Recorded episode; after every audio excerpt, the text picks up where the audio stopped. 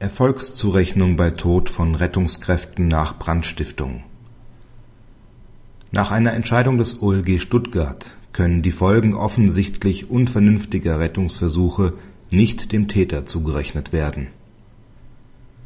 Der Angeklagte hatte fahrlässig ein Gebäude in Brand gesetzt.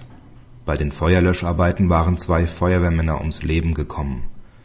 Ebenso wie schon das LG verneinte auch das OLG Stuttgart hier eine Strafbarkeit wegen fahrlässiger Tötung. Der Tod der beiden Feuerwehrmänner könne dem Täter nicht zugerechnet werden.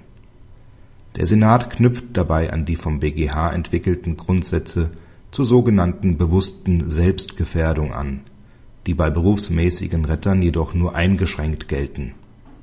Danach ist dem Verursacher eines Brandes grundsätzlich auch der Tod von Rettungskräften zuzurechnen dies gilt auch dann, wenn die Rettungshandlung über die berufsbedingte Handlungspflicht hinausging. Rettungskräfte finden sich oft in Situationen wieder, in denen sie nur durch Eingehung eines überobligatorischen Risikos den Rettungserfolg herbeiführen können. Allerdings kann dies keine grenzenlose Zurechnung von Taterfolgen bedeuten. Die Grenzen der Zurechnung sind nach Ansicht des OLG dann erreicht wenn der Rettungsversuch von vornherein als aussichtslos erscheint oder mit offensichtlich unverhältnismäßigen Wagnissen verbunden ist.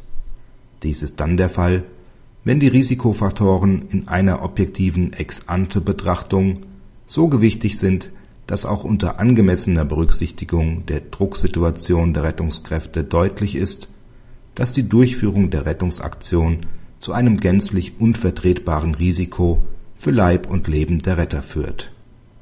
Bei der Beurteilung ist dabei im Falle arbeitsteiligen Handelns der beteiligten berufsmäßigen Retter auf das gesamte Handeln der am Einsatz Beteiligten abzustellen. Vorliegend wurde der Einsatz nach Auffassung des Gerichts unter Inkaufnahme unvernünftig hoher Risiken für die Feuerwehrmänner durchgeführt. So fehlte es insbesondere an einer sachgerechten Atemschutzüberwachung und regelmäßigen Standort und Lageabfragen. Diese Umstände führten zu einer Unterbrechung des Zurechnungszusammenhangs unabhängig davon, ob die fehlenden Schutzvorkehrungen hier auch kausal für den Tod der Feuerwehrmänner geworden sind.